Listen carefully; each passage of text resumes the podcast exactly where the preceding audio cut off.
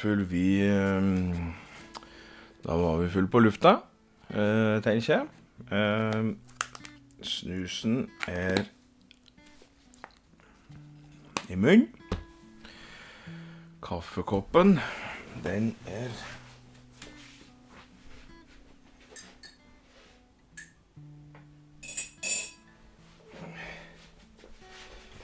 Jeg drakk en kopp te i dag òg, men så fikk jeg lyst på en kopp kaffe, så jeg bare måtte. Ja, nei, men da er vi good to go, da. Skal jeg flette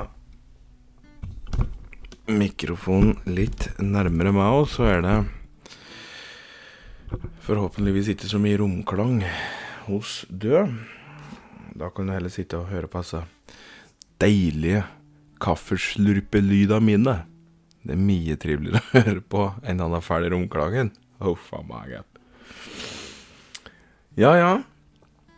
Da eh, Som sagt, da er vi her igjen, da. Er det for bare å Jeg har ikke noe særlig stort på hjertet, egentlig, annet enn at uh, jeg har gleda meg til denne dagen òg. eh, og særlig har jeg gleda meg til å fortelle dere om en sjuke Jakob Aas. Han heter jo bare Jakob Aas, egentlig. Han fikk jo tilleggsnavnet sjuke, altså så han ble kalt sjukenavnet Nei, å herre dæven, dette skal bli moro. Nå skal det bli moro! Sjuke-Jakob ble han da kalt med tida, og vi skal selvfølgelig finne ut eh, grunnen til det, da. Eh, Han ble jo født 1894. Strøyk med så sent som i 1961, faktisk. Han, ja, han ble ikke så gammel, han ble 67, men eh, han er da Det er da ikke mange år siden slik sett, kontra det vi har vært borti tidligere i Krakadalens historie. Eh, Jakob Aas, han var jo en eh, Han var jo en eh, Jeg må bare flette på Hemmestudio, det er liksom noe jeg aldri klarer å Eller ikke for det, jeg begynner så spontant òg. Jeg må innrømme jeg, det jeg bare finner på at Nei, nå vil jeg lage Eller nå vil jeg spille inn en ny historie, da. Så det er ikke, dette er jo ikke planlagt. Jeg hadde jo egentlig tenkt å lese, for jeg driver med tredje boka til Game of Thrones, så jeg er jo snart ferdig med den. Så det var jo den jeg hadde tenkt å fullføre, men det jeg fikk heller lyst til å lese litt åt det. Du har jo vært tålmodig denne høsten, og det setter jeg jo utrolig stor pris på. Eh, det blir ikke like lenge til det, for altså, kommer ei julehistorie kommer da neste uke. Så da trenger vi ikke vente så lenge. Men så må du jo ta og vente, da, for da tar jeg, eller Kraka Radio, litt julefri. Så det Yes, men da får vi begynne med denne godeste Jakob Aasel. Nå er det mye Det nesten litt lik blogger Blitt litt blogger nå. Driver og skravler litt.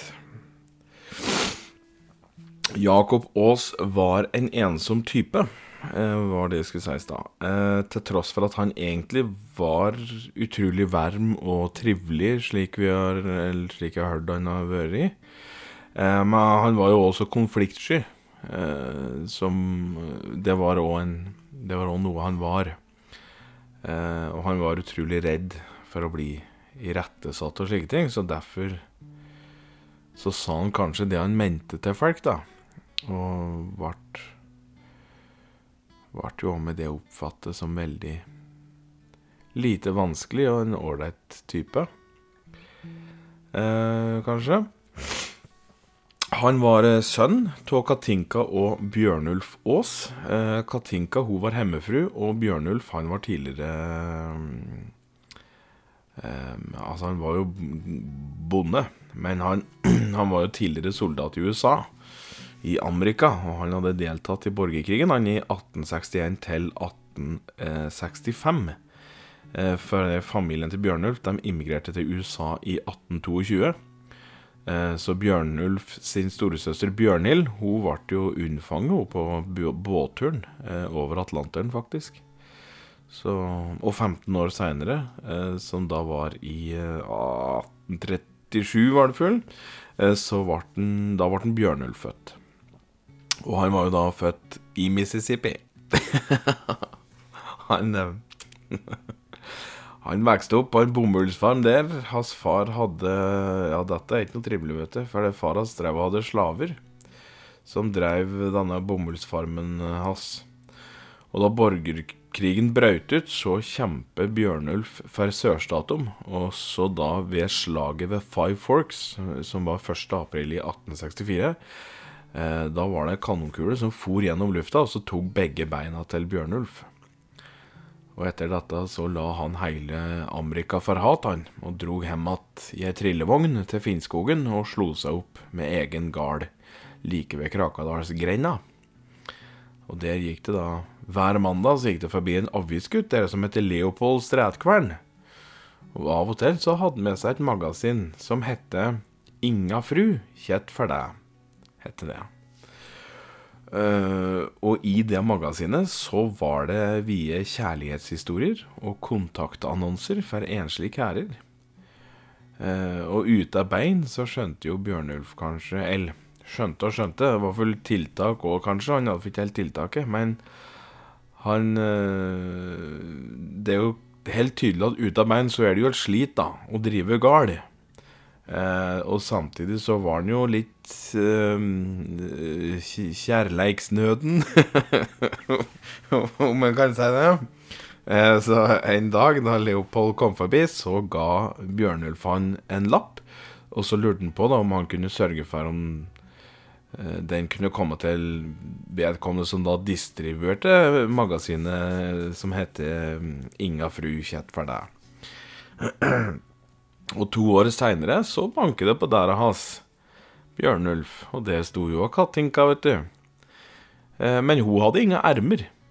Men hun var òg kjærlighetsnøden, vet du. Så når eh, Bjørnulf eh, åpnet døra, så sa hun Hallo, er det du som er gutt uten vandrebein, men har tredje bein? Bjørnulf skvatt litt, for han hadde fått glemt etter to år her det var han egentlig hadde skrevet annonsen. Eh, det kan stemme, svarer han. Ja, jeg er, eh, jeg er Katinka Olsen fra Skien. Jeg har ingen ermer og kan bidra lite på gard, men um, har tottelotter som funker som kaffekjellerskjenker og teppebanking. Eh, eller jeg kan teppebanke med dem. Så det er da noe. Og ikke er særlig å se på, men eh, det er ikke du heller, sier jeg, så sammen kan vi jo kanskje slå oss i hop og smelle til med noen unger som kan hjelpe til her på gårda.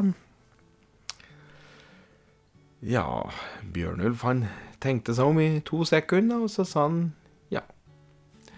Det er det Det er det lureste, det er det lureste jeg har hørt på mange år, gutt.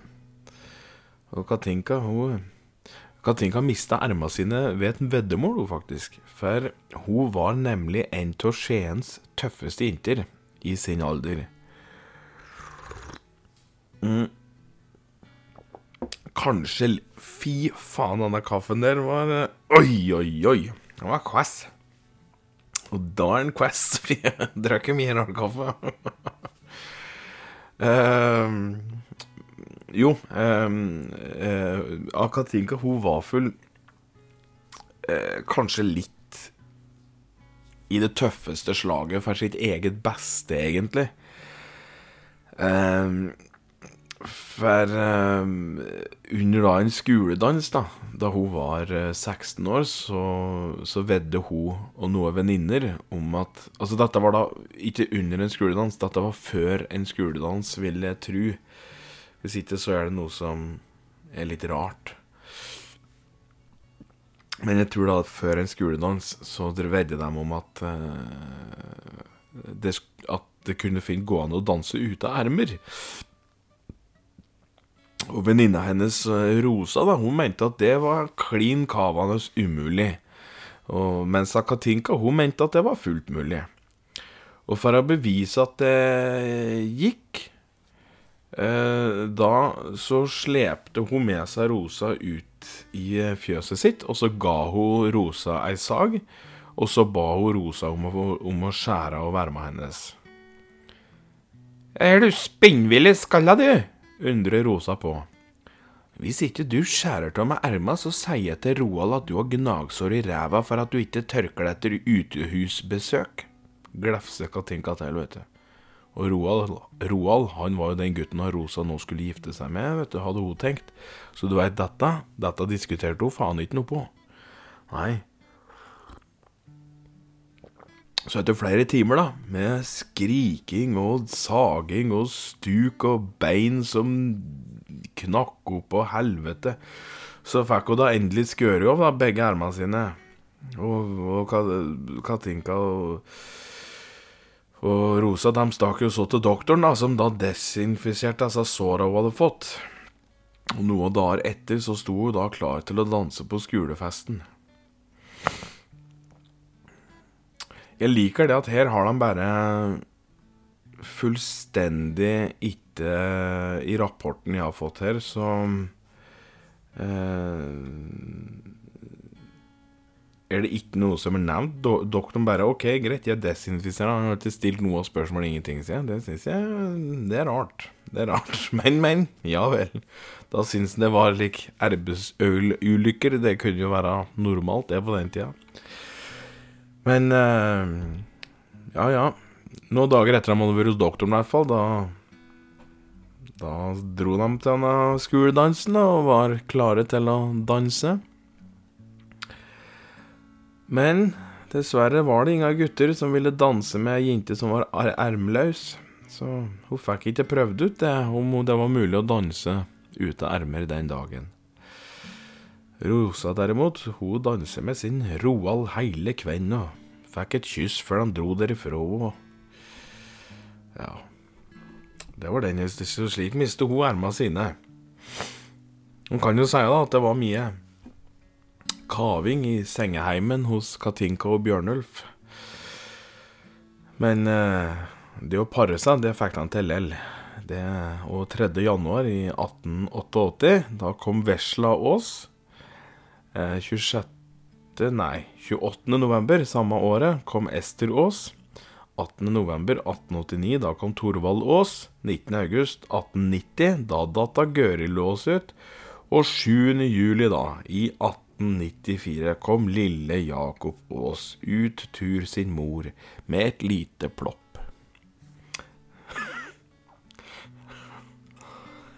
Og unga de ble satt i arbeid ifra de klarte å gå. Og da Jakob var fem år, da var han så lei han til å melke geiter at han la seg til å late som da, at han var sjuk. Hen har du vondt? undrer mor på. I magen. Ja vel, ja vel. Du får holde deg inne, da, sa mor. Og når mor og far gikk ut på trammen for å se at eh, resten av unga gjorde sine arbeidsoppgaver, da fant en Jakob to pinner i vedskåla og dem ga han navnet Pekk og Pung. Han, han, var jo bare fem år, da, så det var ikke noe grisete over at han ga dem de navna, egentlig. Men han hadde hørt storesøsteren sine erte storebror, en, en Thorvald, hver gang han sto i badestampen. Og, så, og han hadde da òg lagt merke til at mor ba far om å gi søstrene hans en ørefik hver hver gang de brukte de orda. Dog Jakob han syntes at Pekk og Pung var morsomme navn han, å gi disse to nye lekekameratene sine. Og han prater med sine kvistvenner, eller pinnevenner, eller hva faen du skal kalle dem. Og De skravler han med morgen og kvelden. Han syntes det var så moro å leke med dem at han oftere og ofte sa til sin mor at han var sjuk og hadde vondt i magen. Men eh, etter hvert så kunne jo mor og far stå ute på trammen og høre at en Jakob drev og lo og sprang rundt inne i huset. Mens de andre unga de plukker ugras og plukker epler ut av epletrærne. Så en dag da Jakob sa han var sjuk, så sa mor at han ikke fikk leve til å lede seg til senga fram til han ble frisk. Han fikk bare leve å gå til senga de gangene han måtte gå på do. Eh, eh, eller eh, Ja. Nei, det var virkelig bare da. Og brødskelken og, eller havregrøten eller hva faen det må, den fikk han da på senga. og dette gjorde Jakob i én dag. Og da, etter det, så var han å se at ute på den grønne sletta med ei lita saks som trimmer gresset. Dagen etter prøvde han seg atter med at han var sjuk, men måtte igjen ligge i senga til han ble frisk. Men da gikk det bare et par timer, og så tok han og la pekk og pung i baklomma, og så gikk han ut til sin mor og far på trammen, og så sa han Jeg, jeg er ikke sjuk lenger. Fint det, gutten, da kan du gå og tømme uthuset, svara far uten å se på guttungen. Da var Jakob seks år. Han begynte på skolen, riktignok, som alle har det, nesten. Ikke alle, men noen. Men han fant ikke sin plass helt riktig der. Um,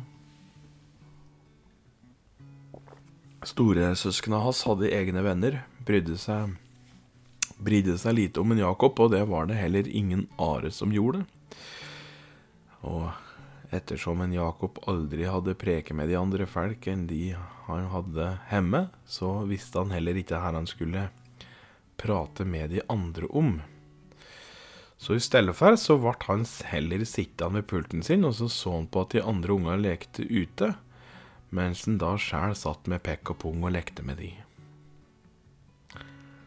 Og da Jakob var tolv år, da begynte det en ny jente i klassa hans. Og hun heter Runi. Runi hun hadde langt, fint hår og hadde ganske fine fregner òg, syns han. Um, det var ingen andre plasser i klasserommet annet enn ved sida av Jakob, som satt framerst i rommet der. Så der satt hun seg, og så begynte hun å hviske. Tingeling, tingelang, du er en slangefan. Tingelong, tingelang, du er en fisledeng. Tungeli, tyngelo, du er en liten sæd. Jakob satt med store øyne og glana bort på jenta som satt ved sida av han, og hvisker rare ting. Han hadde jo aldri hørt slike ting. Jeg ser at du ser på meg, sa hun plutselig. Ja, det var, det var ikke meninga, svarte Jakob. Hvorfor så du på meg da? Jeg er blind. Hæ? Jeg er blind, så jeg ser ingenting om jeg jeg bare vimser med huget, jeg bare vimser slik, svarer han Jakob, og så rister han på huget og ruller med øva sine. Hvordan kan du lese om du er blind? undrer Rune på. Jeg, jeg føler blekk, det er en sykdom jeg har. Du føler blekk? Ja. Jeg ser bare svart, så da føler jeg det som er svart. Rart. Ser du dette? sa Runi, og så drog hun fram langefingeren.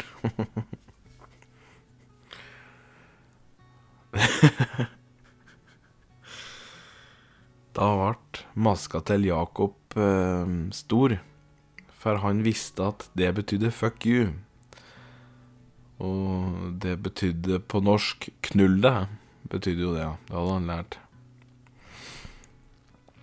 Nå ler jeg, for det, jeg må bare fortelle fra mitt eget liv, så husker jeg jo når jeg sjøl var en liten gutt, så var det like ved der jeg vokste opp, så var det noe som heter blind... Eller vi kalte det Det er jo Vessia vel, da, men det, vi kalte det bare Blindesenteret, og det tror jeg blir kalt enda, for det var det blinde som var på like utfluktsturer dit, da. Og da husker jeg mitt første møte med ei blind, gammel dame. og dette var på en auk var det på en auksjon? For de, de har auksjoner på Blindesenteret. Jeg husker ikke om det var auksjon, eller om det var noe like Vestsida-Marten, eller her det var. Men, eh, men i hvert fall så var det ei blind dame som, eh, som jeg ikke trodde på helt var blind. Eller jeg kunne ikke fatte det, så jeg husker jeg dro opp langefingeren og lurte på om hun så dette der. Og da var reaksjonen hennes at hun bare hun dro opp langefingeren sin og viste fingeren tilbake. Jeg husker jo Jeg husker jo gjorde det da. Men eh, jeg sier gammel jeg var ni-ti år. Og da viste det at hun kunne se Hun kunne faktisk se konturen av det jeg gjorde, faktisk. Så en liten sidehistorie fra mitt eget liv der. Siden jeg ikke husker navnet, eller fikk for aldri navnet hennes. Hun var for dau, hun nå. Ja ja, i hvert fall, da. Runi viser langefingeren til en, eh, Jakob. Han Jakob, han som sagt var jo klar over at dette betydde fuck you. Og driver naboen og Driver naboen og pusser opp. Jeg tror vi bråker litt for mye, så naboen driver, jeg tror, driver og demper litt lyddempende plater. Men det er ikke noe. Vi prøver en gang til, da. En gang til nå. En Jakob sa da Fuck you, hvisken. Her sa du, sa Rune. Jeg føler at faen gå ned og drepe han jævla naboen. OK. Å, fy. Fuck you, sa Jakob. Eller han hviska. Hva sa du? Eh, undrer Rune på. Nei, jeg, jeg føler at det er noe med Det kan jeg ikke si. Jakob lente hodet sitt bort. Her er det du ikke kan si. Det er et ord som jeg ikke kan si, for det betyr paring. Paring? Rune begynte å glise litt, da. Jepp. Slik du driver med når det blir uh, unger. Føler du at jeg driver med paring? undrer Rune på. Nei, nei, nei, nei, nei, jeg bare Altså, jeg føler at det var en finger i lufta, og den fingeren Ja, han visste ikke her han skulle si videre. Den fingeren. Så du så at det var en finger? Du er ikke blind, du. Du kan, du kan bare slutte med en gang. Da tok Jakob fram pung og stakk pinnen inn i det ene øyet sitt. Oi. Og Runi jo skvatt til i stolen, og det samme gjorde læreren. Nå så, nå så, sa han Jakob, og så smilte han forsiktig. I svarte faen, Jakob Aas, har det tiltet fullstendig oppi tepplekket ditt òg nå? Dæven skinn! Hoie læreren og tok fatt i ermen til Jakob og slepte den ut i gangen og hang den opp på en jakkeknagg. Ja, dere kan jo få henge til timen er over, og så blir det rektorens kontor etter det, sa læreren, og så gikk han inn igjen til timen mens blod rant ned fra øyet og Du veit, ja Jakob bare hang der og dingla, han. Øyet begynte jo å gjøre litt vondt, da. Så begynte han kanskje å grine litt òg, for han syntes kanskje at han like i etterpåklokskapens navn at nå hadde han kanskje vært litt dum. Det var jo Ja Eller det han tenkte, var at han hadde vært en fjompenisse. Men Og jeg tenkte for kanskje han kunne for egentlig bare ha sagt det som det var, at nei, han var ikke blind, i stedet for å prøve å stikke ut ene øyet sitt. Så Så han skjønte for kanskje at da, synet på det øyet aldri ville komme tilbake igjen. Å nei, hvorfor må jeg være så dum, tenkte han da for seg sjæl mens tårer og blod drypp ned på gulvet. Men Runi og Jakob de ble jo venner etter dette her uansett. Det ble de. Fra tolvårsalderen og, og videre opp så ble de venner gjennom ungdomstida. Eh, en Jakob han ble følte egentlig og ganske forelsket i Rune, men han torde ikke å si noe til henne om akkurat det, for han var um, Han var for ganske redd for at hun skulle ville slutte å være vennen hans. Uh, om hun ikke skulle vise seg å være forelska i han, da. Uh, og han ville heller ha henne i livet som venn enn at ting skulle bli rart mellom dem. Så han lot være å si noen ting som helst til Aruni. Men han angrer bittert den gangen det var eh, skoledans, og hun danser og kysser på, på en Yngve. Eh, og Jakob Sinsen Yngve var en fjompenisse. Og han var jo Han var jo òg egentlig en ganske stor fjompenisse. Men eh, han var pen å se på, syns eh, mange jenter. Og han hadde jo i det minste to øver som funker. Men det arret Jakob hadde fått eh, på øvet, eller det at det var Det var ikke hatt noe pupille i det øyet hans. Eh, og det Det gjorde jo at både voksne og små syntes han var litt skummel. De ble litt uvel hver gang de så han, for de tenkte at han, han det var jo en snåling som fort kunne finne på ufine ting, da.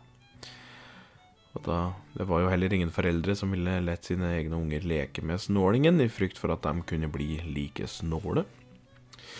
Så der sto Jakob, da, under skoledansen en kald vinterkveld i 1906, og ungdommen danser så hælen væsker gulvet rødt. Og folk danser og reiv og sleit inn han mens de satt fast i nevene åt han. Før det så kom bort ei anna jente som heter Ranveig Johnsen. Og aldri hadde han full Jakob sett av Ranveig før, men Ranveig hadde sett Jakob, og hun hadde sett på han i hele kveld. Jeg tenkte at du og jeg kunne danse sammen, sa Ranveig. Jeg ser Jeg ser du halter, svarer Jakob. Ja, det er ikke noe problem. Det ene beinet mitt er litt kortere enn det andre bæret, men jeg syns at du har så pene krøller. ja vel. Ja vel. Du har Du har pene fletter. Har du flettet dem sjæl? I dag tidlig, slik at jeg slapp å flette dem rett før jeg skulle på dansen. Blir fort stress med fletter rett før dansen. Huff. Ja, da var det bra du flettet dem i dag tidlig, gitt. Ja, det var det, svarer han meg. Så ble de to, da, stående og se på han. Jakob syns kanskje ikke Ranveig var like pen som Runi. Eh, og han fikk jo ikke helt de samme gode vibben som han hadde til Runi. Det er klart det er jo forskjell, da. Jo, han og Runi hadde jo kjent hverandre i mange år. Og dette var jo første møte med Runi, så det er klart det er jo litt rart. Men eh, han synes jo det var noe sjarmerende ved frampåheten hennes, da, som han likte godt. Så, eh, så han strak ut nevene sine og sa Vil fruen ta min hånd og danse til morros? Å, men jeg veit ikke om jeg erker å danse så lenge, for halvbeinet mitt er ikke så brukbart, men en time eller to kan jeg nok danse, svarer Ranveig, tok hånda til Jakob, og på vei ut mot dansegulvet så sa Jakob Jeg hadde ikke tenkt å danse til morgens, jeg heller, altså, jeg, jeg, jeg har aldri danset før, så jeg veit ikke hvor lenge jeg holder ut. Dessuten så lovte jeg mor og far å være hjemme igjen når månen sto litt over halvveis over himmelen, så hvis vi kan være ferdig fram til da, så er det Så, så er jeg fornøyd, jeg. Og da Det var greit, det. Så Ranveig og Jakob de sto da i midten av dansegulvet og begynte å danse. Men dessverre for han, eller dessverre for han seg, så, så sto Jakob bare og glana bort han på Runi og Yngve. Mækkasekken Yngve, som sto og kyssa og strøk han opp og ned. Og eh, etter noen timer på dansegulvet så stopper han meg opp og så på Jakob, som i de siste timene hadde innbilt seg det, at han sto og danset med Runi. Han sto og fantaserte og drømte og lot som at det var hun. Og så sa Ranveig, vil du bli med til skogskanten, så kan jeg suge deg bak ei furu? Hm. Jakob hadde vel egentlig ikke særlig lyst, men um, han hadde heller ikke lyst til å lage dårlig stemning, da, så han sa ja, det kan jeg følge. Og slik gikk det til, da, at Jakob fikk sin første kjæreste. Det varte riktignok bare i fire uker, men det var helt greit for Jakob, for han hadde fortsatt et godt øye til Aruni, som hadde vært sammen med stuten Yngve. Og de var sammen i eh, mange, mange, mange år. Og nesten hver dag gikk Jakob forbi dem i håp om at Rune skulle se at han gikk Nei, ja um, Jo, han gikk liksom forbi dem, da, i håp om at Rune skulle se det, at han var et Hva skal jeg si Han så på seg sjøl som et bedre valg, da, enn uh, godeste Yngve som bare drakk og sloss og sa ufine ting. Uh, han hadde et ufint ordforråd, Yngve. I hvert fall mot sin kjæreste Runi. Og en dag så gikk han sammen med pinnevennene sine, Pekk og Pung, skravle med dem, da.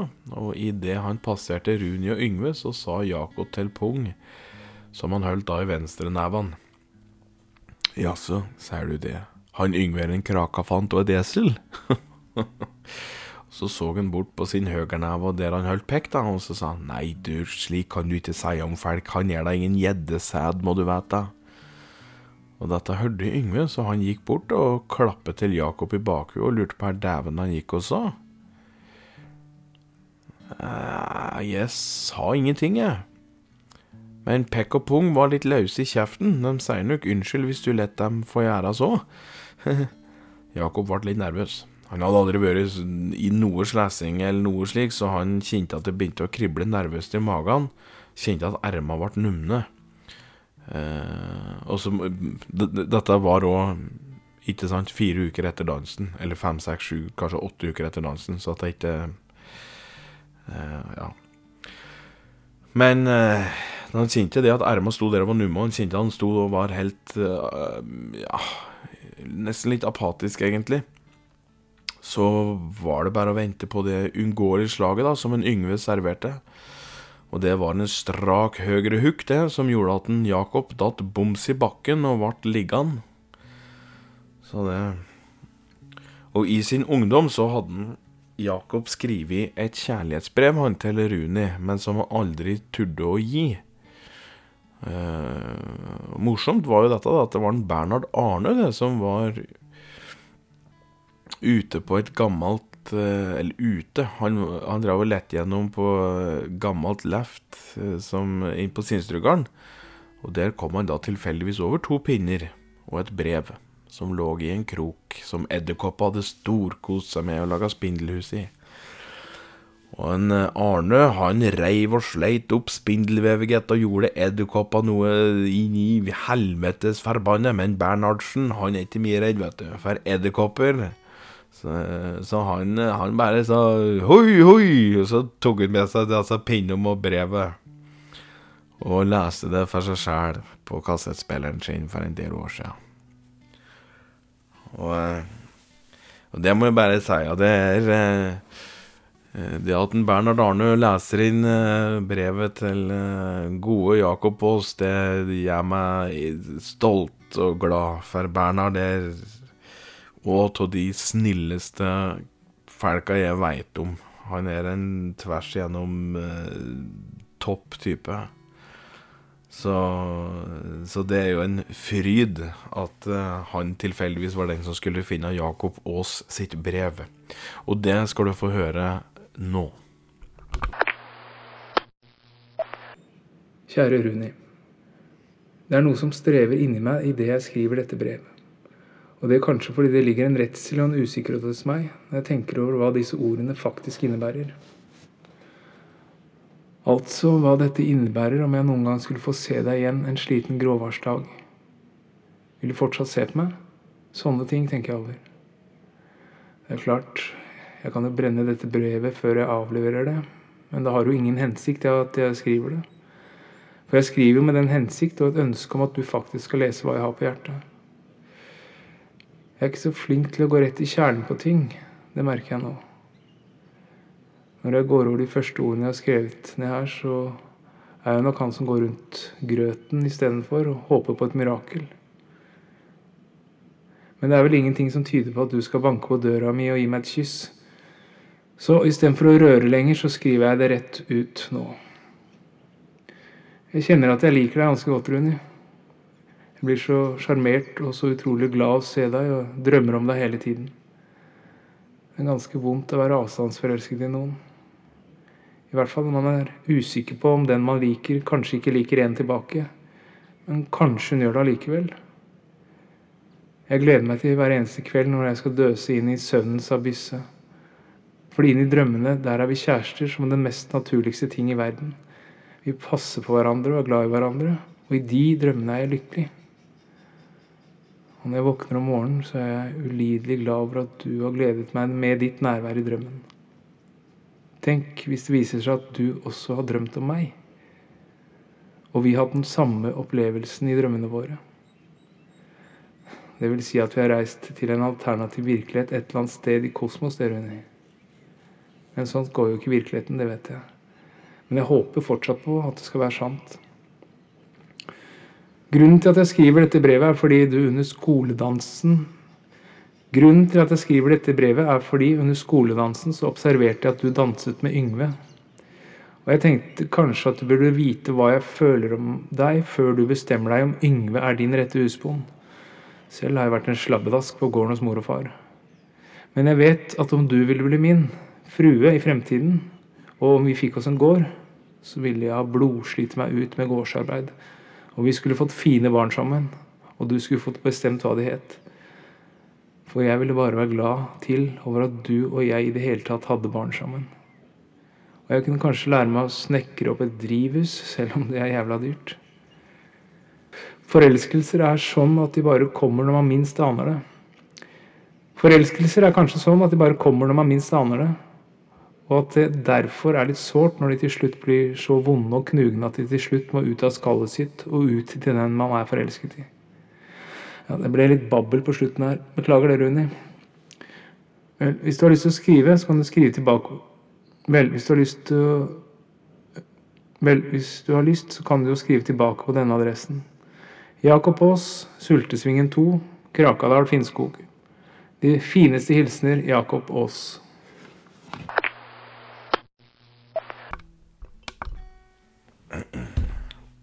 Men eh, det var eh, brevet. Eh, Jakob Aas ble etter slaget han fikk av Yngve, han ble redd han for kærer flest. Han eh, unngikk ofte å forlate huset sitt, verken for å gå på skole eller erbe på gården. Og hver gang mor Katinka dunket huget mot dæra og ba han få på seg fillom og komme seg ut, så svarte Jakob alltid at han var sjuk og bare ville ligge i senga si. Og der lå han, dag etter dag, og skrev kjærlighetsbrev til Runi. To til tre brev om dagen i mange, mange år. Og sjøl ikke når far hans døde av alderdom i 1917, da var han Jakob 23.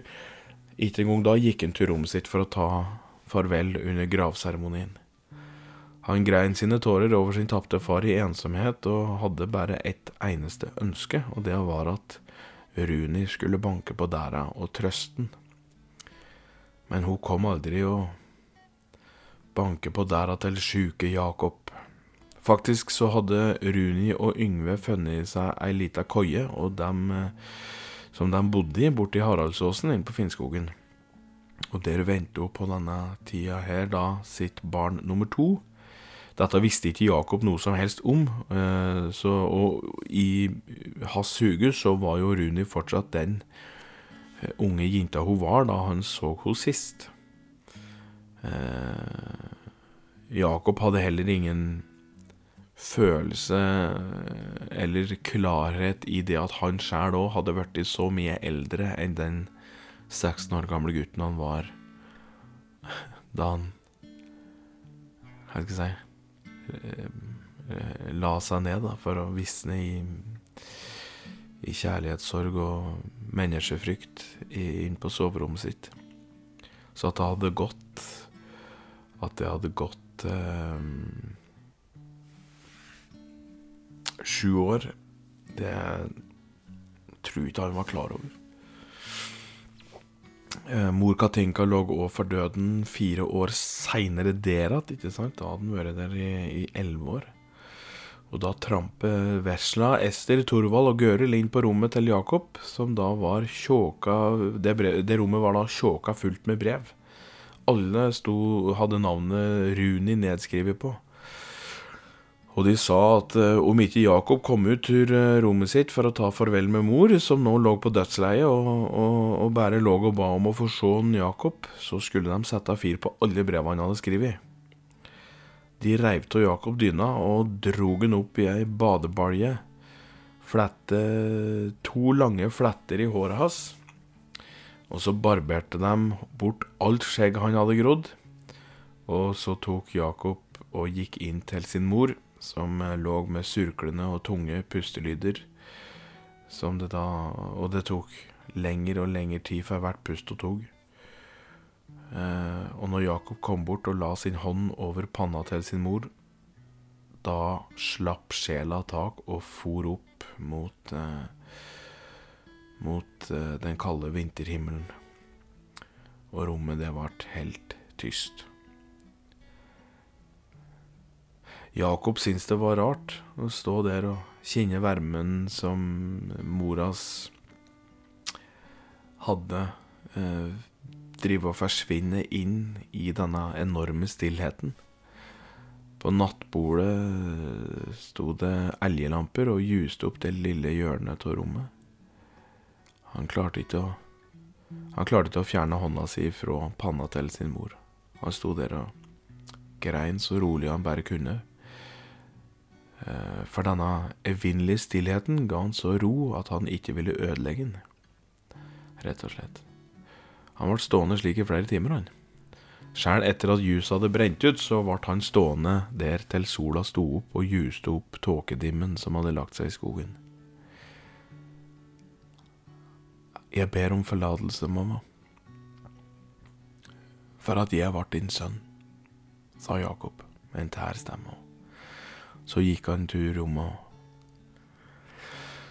Og det ble for sånn filt opp Var det Ja 14 digre striesekker med brev. Totalt var det full 7185 brev. Han eh, dro med hest og kjerre ut på leiting etter Runi. Dette var riktignok på våren. Og da fant han både hun og Yngve og to småjenter på et tun i Haraldsåsen. Og han kjente det at magen vrengte seg. Og han ble uvel når han så en Yngve sitt ansikt, til tross for at han Yngve han sto med et overrasket smil og ønsket Jakob velkommen til gards. Sjuke Jakob Aas Nei, så dæven, det har jeg ikke sett på mange år, sa han Yngve. Ja, ifølge tida som har gått, så er det vel omtrent elleve år siden vi råket på noen sist, ja. Jeg må si det Det gleder meg lite at du fortsatt eksisterer, Yngve. Du var en ordentlig drittsekk, og jeg har på følelsen at du gjør det ennå, sa han Jakob. Ja, og Yngve han ble anspent så bort på sine to små døtre som undret på her denne rare kæren med to lange fletter som hang nedover overkroppen, sto og sa. Jakob, jeg ville gjerne at du ikke preker slik når unga mine står og hører på. Det skjønner jeg.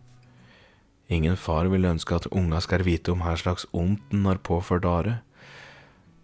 Etter at du sto og eller etter at du slo, så, så har ikke jeg vært her om til å se folk i øynene lenger. Jeg. har vondt i magen, og jeg er redd. Og jeg har en ungdomskjærlighetssorg så vond og sår som aldri vil leges etter at du tok bort det fineste jeg hadde i livet. Hun var min beste venn, hun Runi. Og vi skulle bli Men det ble ikke slik. Jeg skulle Jeg skulle elske til døden, men det ble ikke slik. Jeg skulle be henne om hennes hånd omtrent i disse tider vi lever i nå, men det heller ble ikke slik. Det er vanskelig for meg å forstå hvorfor du Nei. Det er vanskelig for meg å forstå hvorfor hun ikke vil gi meg den nå.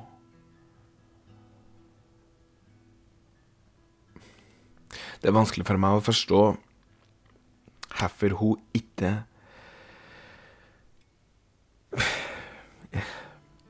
Jeg surrer rundt, jeg surrer rundt. Det er vanskelig for meg å forstå hvorfor hun ikke vil gi meg den tilliten. Det vil si å være hennes mann når det var mitt største ønske å gjøre hun lykkelig. Det er vanskelig for meg å forstå hvorfor hun fant det, når hun hadde meg rett framme seg. Men, men. Det er fullt slik at på denne jorda så er det ikke alle som kan få det de ønsker seg. Det ville fort ha blitt et kaos, sikkert. Jeg kan ikke noe fæle Yngve Grim, men jeg elsker kona di mer nå enn jeg noen gang har gjort. Og en dag vil denne kjærlighetssorgen ta livet av meg. Jeg kjenner det for hver dag som går, at jeg blir svakere og svakere, at jeg blir tyngre og tyngre, og jeg veit ikke hesten jeg skal komme meg opp, Yngve Grim.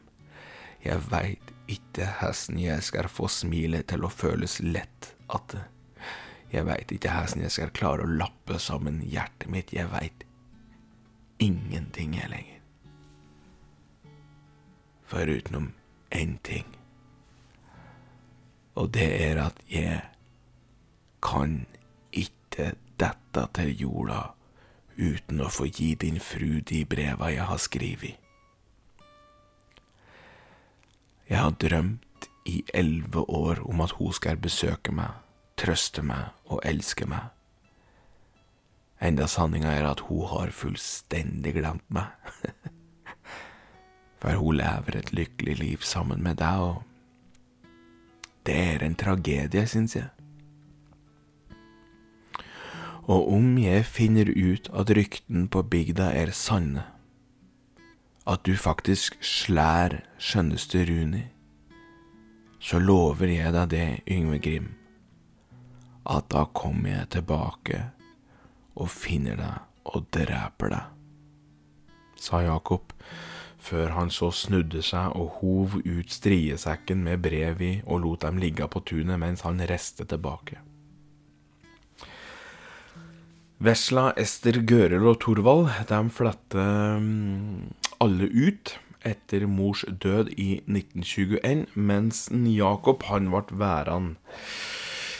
Det hendte at Jakob var rundt og så på diverse begivenheter, eh, kan man vel si, ja. Eh, I 1922 da var han f.eks. og så det første Vasaloppet i Selen 25. januar. Nei, eh, i, i 22, men 25. januar i 1924. Da er han òg faktisk i Frankrike, og der overvar var han da de første olympiske vinterleker. 26. desember i 31, 1931 altså, da han Jakob og ser Norges første lydfilm, som har premiere i Oslo. Den store barnedåpen, heter den da. Eh, og dette er ting som er registrert. Så det er liksom det vi, de vi veit etter Han brukte liksom Han var glad i sport, da, tydeligvis, og har vært på i hvert fall én kinofilm. eh, han rusler vel òg rundt og drakk en dag i uka. Eh, de resterende seks dagene, da lå han med angst og panikk. Så, men så, da, en mild sommersdag i 1932. Da banker det på dæra til Jakob Aas. Og han famler seg ut ur senga, gikk mot dæra, og når han åpner den, så mister han alle eh, Hva skal en kalle det? Ikke hemninger, men han mister alle eh, ja, alt bare Altså, han, han lo og grein om han og visste ikke hvor han skulle gjøre av ermene sine, og ikke visste om han skulle stå rolig eller trippe eller springe eller juble eller eh, Nei, han visste ingenting. Han bare han, han, var bare en Han bare Ja. Det var mye følelser ute og gikk, da. For det sto jo Runi. Den fineste jenta Jakob visste om, og den eneste jenta Jakob brydde seg om. Det har tatt meg elleve år å lese alle de breva du har skrevet. Jeg skjønner ikke halvparten, men jeg har en følelse av at du har likt At du har likt meg, sa hun med et lurt smil. Å gjøre seg forstått er noe jeg alltid har vegret meg for. Å bli forstått er som å prostituere seg. Jeg foretrekker å bli tiget på alvor, søte frøken Runi. Jeg vil bli tatt på alvor for den jeg ikke er, og bli oversett på en menneskelig, anstendig og naturlig måte. Det er eh, ikke noe som ville irritert meg mer enn om jeg blir oppfattet som underlig av folka rundt om i bygda. Jeg har søkt om korsfestelse i det faktum at jeg, de ikke ser meg, svarer Jakob. Ja. Ja, det var ungefær den slags ordvalg og bilder som jeg ikke helt forsto så mye av i det du skrev òg, hører, sa hun.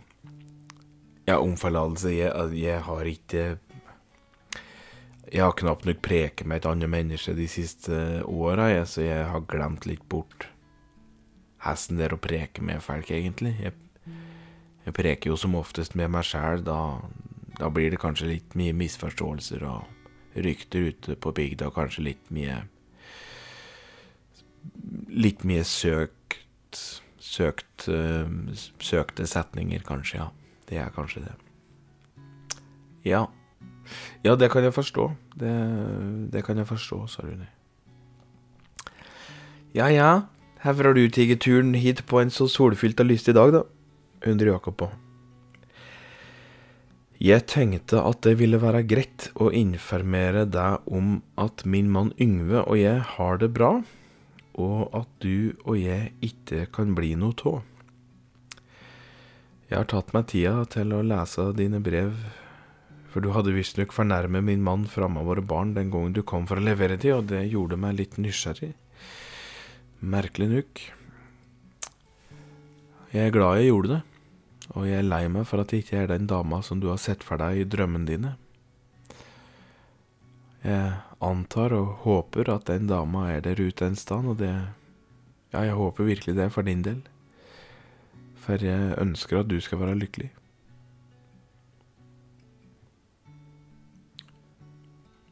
Du har brukt elleve år på å lese breva mine, og, og du har tatt turen hit i dag for å si at du aldri kan elske meg? Du kunne jo bare sendt et brev, svarer Jakob med tårer i øynene. Jeg kunne det, sjuke Jakob Aas, men jeg ville se deg i øynene når jeg sa det, for jeg vil vite hesten ekte kjærlighet ser ut. Nå skjønner jeg ikke, sa Jakob.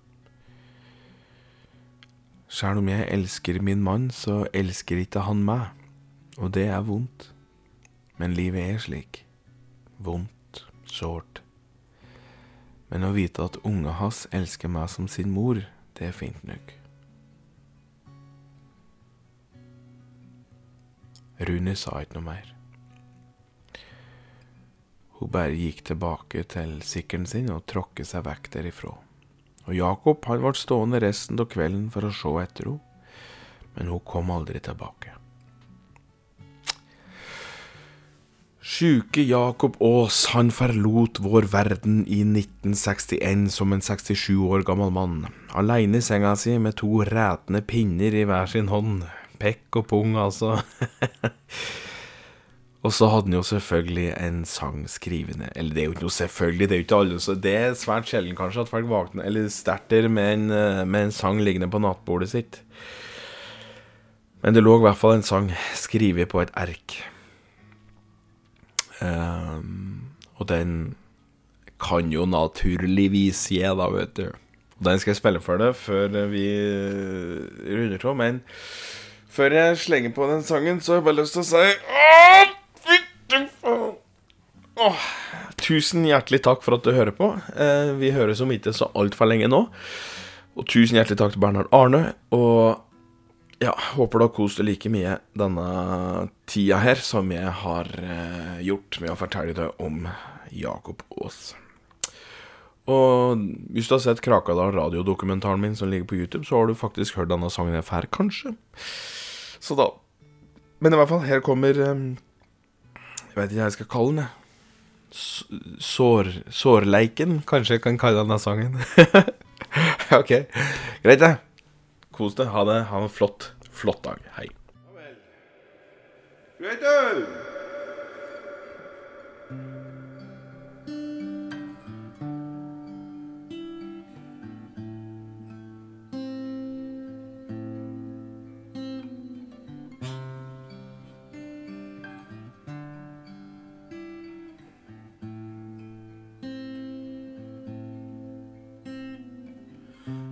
tenkt på å forlate deg mange en gang.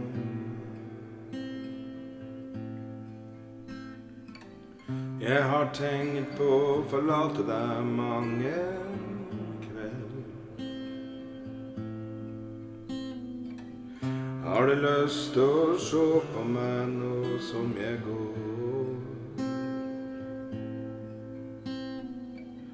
Har du lyst til å se på meg nå så du forsto.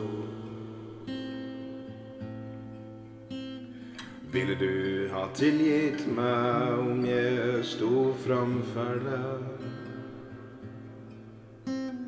Ville du ha tilgitt meg om jeg ga deg lær?